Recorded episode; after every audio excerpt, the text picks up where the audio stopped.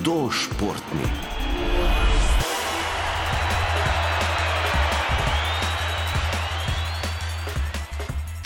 V prejšnji rubriki Hudo športni smo spoznavanje badmintona končali s pravilno postavitvijo igralca na igrišču. Kot je povedal trener v badminton klubu Ljubljana Matjaš Sketel, je najbolje, če igralec na odbito žogico oziroma perjanico čaka na sredini igralnega polja. Igravca si perjanico izmenjujeta z udarci. Pri badmintonu je veliko različnih, obstajajo celo taki, ki so namenjeni zavajanju nasprotnika. Jaz bi ločil udarce na tiste uh, nad ramenskim obročem, potem v višini ramenskega obroča, med ramenskim obročem in pasom, in tisti, ki so pod pasom, recimo spodnji udarci. Se pravi, v zelo grobo osnovi bilo, bilo rečeno, da so više kot žogo dobiš, bolje napadalno, lahko igraš nižje kot jo dobiš, bolj si v globoko v obrambi in pač se pravi, je tvoj nasprotnik bolj prevzema pobudo. Tako da, seveda, vse, kar igramo visoko, pravimo igrati v osnovi čim više.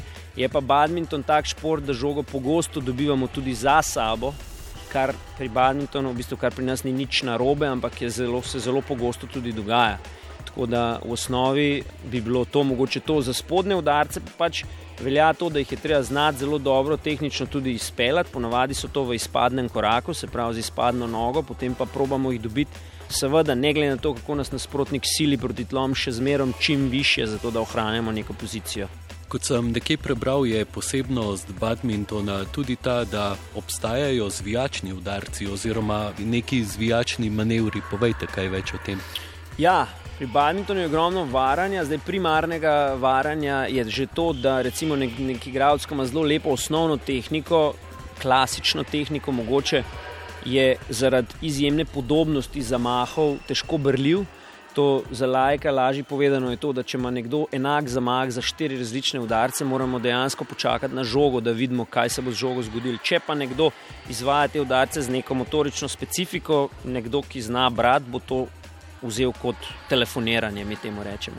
Sekundarno varanje, seveda, je pa nakazovanje namena, ki se potem ne izvrši. Ker bom rekel, hočem, da bom kratko, porinem dolgo. Ne, na ta princip. Tega je v badmintonu veliko, ravno zaradi tega, sploh na vrhunskem nivoju, potem recimo igrišče za te zelo dobro pripravljene ljudi fizično postane tako mehko, da brez tega zvijačnega naklepa, kot ste vi dobro rekli, recimo, že težko najdemo včasih prostor uh, za položiti žogo na tla nasprotnika. Zdaj, ko ste pojasnili osnove gibanja na igrišču in pa tudi pravilne udarce, če se morajo mladi naučiti najprej pravilnih udarcev ali gibanja? To poteka vse skupaj. Ne? Zdaj, eh, seveda, je večkrat tudi v neki posameznikovi trenerski filozofiji in strategiji, ampak jaz mislim, da poleg tega prihajajo iz različnih ozadij otroci. Ne? Nekateri, recimo, če vzamemo za primer, da dobiš nekoga, ki je prišel z fusbala, recimo, ne, bo že recimo motorika nog izrazito razvita, medtem ko nekdo, ki v tej smeri nekaj dosti počel, bo mogoče predvsej bolj štorast v tej smeri. Tako da tudi na individualni ravni potem provamo vsakega igralca mačkem pogledati, pa mu dati kakšne dodatne vaje. Zdaj, klubski trening, na katerem pa pač imaš ti večje število igralcev, pa pomeni, da v bistvu se vaje izvajajo skupno, prilagojene so skupini in so sploh na začetku zelo na široko razpršene, po namenu. Ne.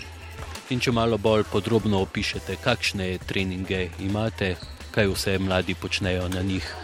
Tehnične vaje, recimo, tehnične vaje obsegajo uh, ponovitve različnih udarcev, vaje so ponavadi, mislim, načeloma ne bi bile progresivne.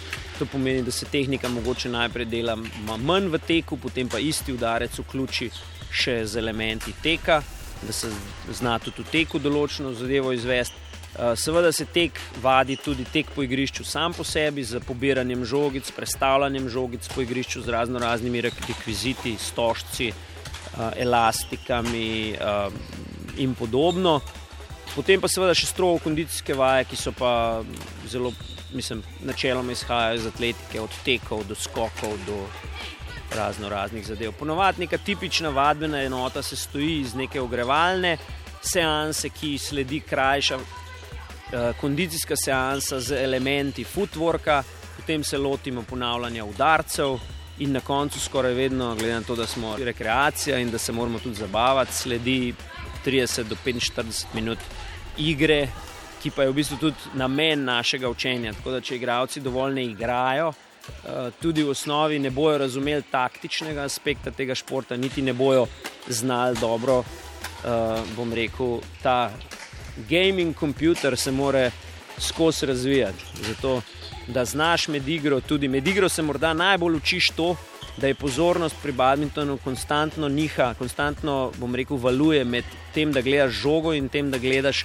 svojega nasprotnika. In to je tisto, kar se v bistvu cel življenje učimo. Nekako. Hudo športni. Badminton je izjemno motoričen šport, ob tem pa tudi kondicijsko zahteven. Zahteva tudi eksplozivnost in seveda vzdržljivost, saj je igra na vrhunskem nivoju lahko zelo dolga. Na vrhunskem nivoju je izjemno zahteven. Zahteva tudi izjemno raznovrstnost. Eh, tudi ne samo v smislu motorika na koncu, na vrhunskem nivoju, niti ne bom rekel več, da je tako, ker če priješ do tja, že si mogel imeti neke predispozicije. Ampak bolj gre mogoče za to nenavadno mešanico eksplozivnosti in vzdržljivosti, to je pa že fizionomija, fiziološki faktor ker badminton je v osnovi sestavljen iz sprintov, ampak tekme pa tudi dan danes, že vrhunske tekme trajajo tudi že do uro 45, uro 50 minut. Tako da to je pa že potem globoko na terenu vzdržljivostnega športa. In kako se bo razvijalo telo mladih, ki bodo igrali badminton? Zelo vse stransko in dobro, po mojih izkušnjah, z tudi ne visokim procentom poškodb, kolikor pač trener načeloma seveda ve, kaj dela. Eh, edino, kar pri nas se pravi, treba pozornost usmeriti, je seveda enostranskost tega športa, kar se tiče, se pravi, da, da nam telo nekako razdeli po sredinski črti. Ne, recimo desničari se desna stran nekako in roka in noga razvije nekoliko bolj.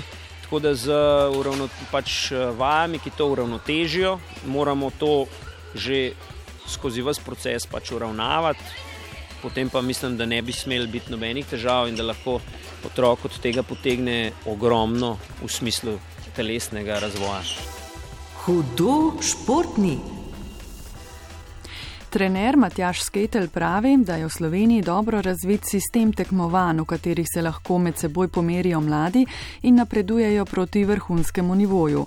Obstajajo naprimer tudi šolska državna tekmovanja. Ob tem pa ne gre zanemariti rekreativnega nivoja, ki je osnova. Sistem tekmovanja je pri nas razvit že zelo dobro in še izboljšuje se v smislu tega, da zdaj vse več delamo tudi na otroški rekreaciji, kar mislim, da je kot neka strategija zveze, če rečemo temu dno piramide. Ne, zdaj, da, eh, da zdrava in močna, zadovoljna baza rekreativcev na koncu proizvede tudi vrhunski rezultat. Tako da sploh na tem področju zadnja leta se tudi ogromno dela v Sloveniji, kar pa pomeni, da otroci, če želijo, lahko tekmujejo veliko po celi Sloveniji. Praktično tudi regionalni razvoj je zelo eh, štartov. Eh, na Koroškem so v zadnjih letih naredili skokovit razvoj, kjer badminton naprej praktično skoraj ni bilo. Uh, tako da mislim, da delamo dobro tudi na tem področju. In tudi sicer je ta rekreativni nivo zelo dobro razvit. Ja, badminton je pa, kar se odrasle rekreacije tiče, pa sploh vrhunski prodajni artikel, kar se mene tiče, zato ker uh, je zelo malo športov, kjer lahko človek tako hitro v bistvu začne res uh, teči in se gibati in švicati, pa kljub temu ne zahteva neke brutalne predpriprave. In ne glede na to, ali si star pač 20, pa v top formi ali si pa star. Jaz, recimo, v mojih skupinah imam tudi 70 plus rekreativce ki še zdaj uživajo v badmintonu. Recimo, uh, gre za to, da v osnovi, da žoga ostane v zraku, to vsi že iz piknikov vemo, ni noben problem. Kar pa je tudi prvi predpogoj za to, da je puls in to je to.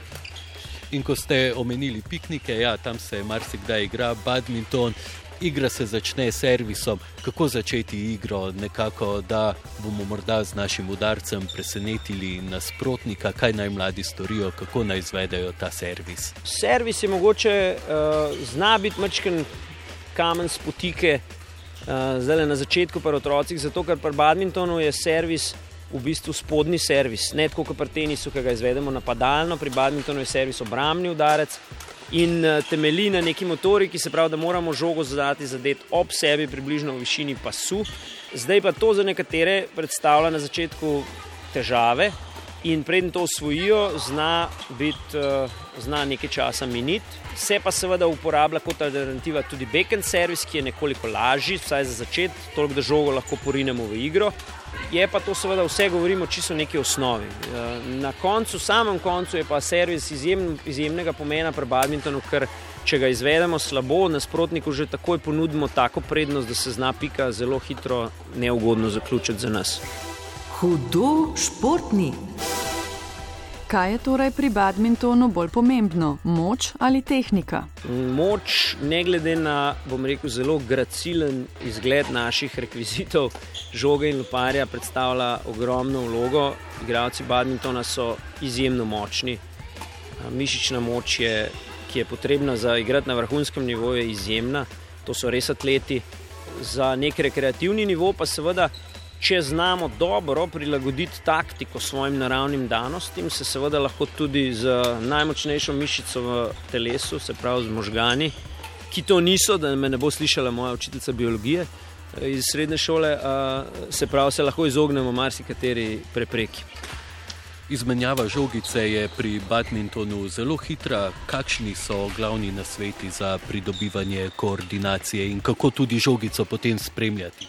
Igra, igra, igra še enkrat, ko smo bili mi mladi, evo spet slavni stavek, je bilo v bistvu, ki je trener prišel v dvorano, smo mi, o ne, ne, smo vedeli, da je zabave konc, ne smo začeli delati. Eh, danes mogoče otroci zelo radi, to smo mi sami krivi, ne, eh, so radi vodeni, ne, se pravi, nekdo jih pripelje, nekdo jih odloži, nekdo jih pobere, urnike imajo naštimane ne, in sami sebe v bistvu ne znajo. Medtem ko v osnovi vse te tehnične vaje, vse te zadeve, se pravi, vsa ta, bom rekel, nam rekel, navlakano, ampak vse to, kar počnemo, služi enemu namenu in to, da znamo igrati na koncu, da znamo uživati, da znamo igro globlje nekako to umeti in tudi koordinacijsko ga ni izziva, kot je igra. Zaradi tega, ker tam so noter vključene vse. Nijanse tega športa, in pač jih je treba tudi na pravem trenutku obvladati in uporabiti. Tako da, kar se mene tiče, igra. Kakšna pa so pravila pri točkovanju?